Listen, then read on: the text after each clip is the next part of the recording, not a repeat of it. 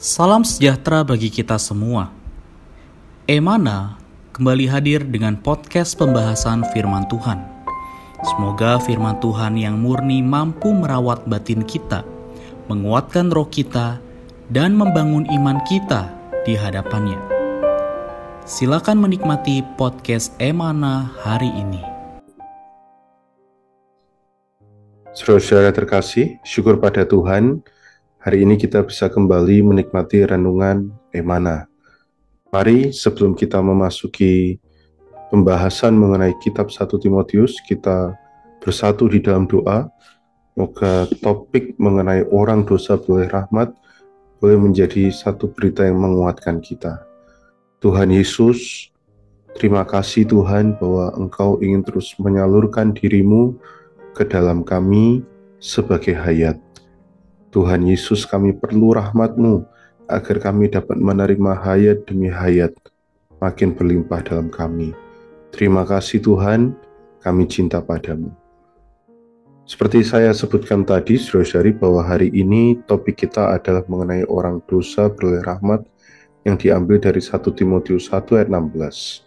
Saya bacakan, tetapi justru karena itu aku dikasihani, agar dalam diriku ini sebagai orang yang paling berdosa, Yesus Kristus menunjukkan kesabarannya.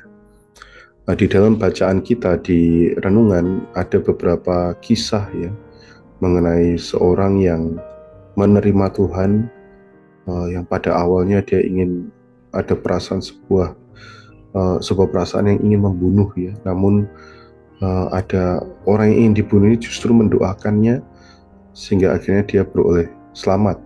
Ya, ini sebuah kejadian di Inggris uh, beberapa waktu yang silam. Namun mari kita lihat mengapa orang yang sedemikian uh, berdosa, orang yang memiliki sebuah hasrat untuk ingin membunuh dengan doa itu akhirnya bisa beroleh selamat. Mari kita lihat sedikit kisah sebelumnya di dalam kitab Timotius.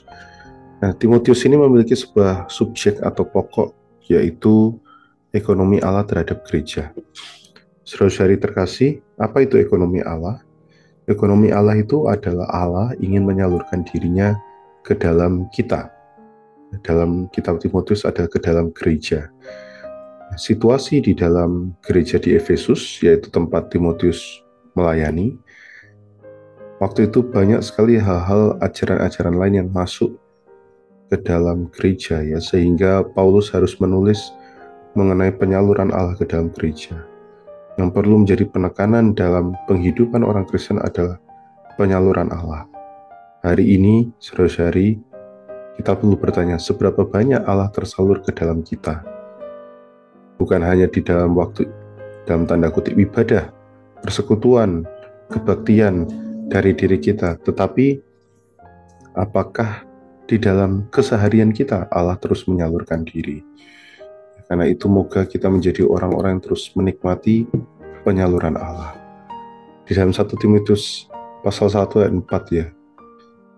Dikatakan ada banyak kesibukan ya dari dongeng, silsilah, angan-angan tapi sekali lagi bukan ekonomi Allah.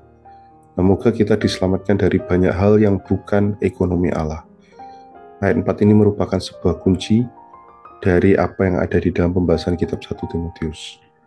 Namun masuk ke dalam ayat 16 seperti yang kita baca, ada kelanjutannya. Tadi saya baru baca ayat A, 16a, sekarang di 16b dikatakan dengan demikian, aku menjadi contoh bagi mereka yang kemudian percaya kepadanya dan mendapat hidup yang kekal.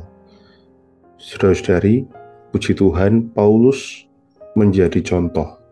Ya, menjadi contoh dari orang, yang paling berdosa di antara orang dosa, jadi contoh bagi kita, orang-orang berdosa, bahwa orang semacam Paulus saja bisa dijangkau oleh belas kasihan Allah, diselamatkan oleh kasih karunia Tuhan, dan mendapatkan penyaluran Tuhan. Bahkan orang yang seperti itu pun bisa menyalurkan Tuhan kepada kaum beriman yang lain. Ya, puji Tuhan, nah, kalau Paulus saja bisa, artinya hari ini saudara-saudari kita pun punya kesempatan yang sama. Dikatakan contoh bagi mereka yang kemudian percaya dan mendapat hidup yang kekal. Apa itu hidup kekal?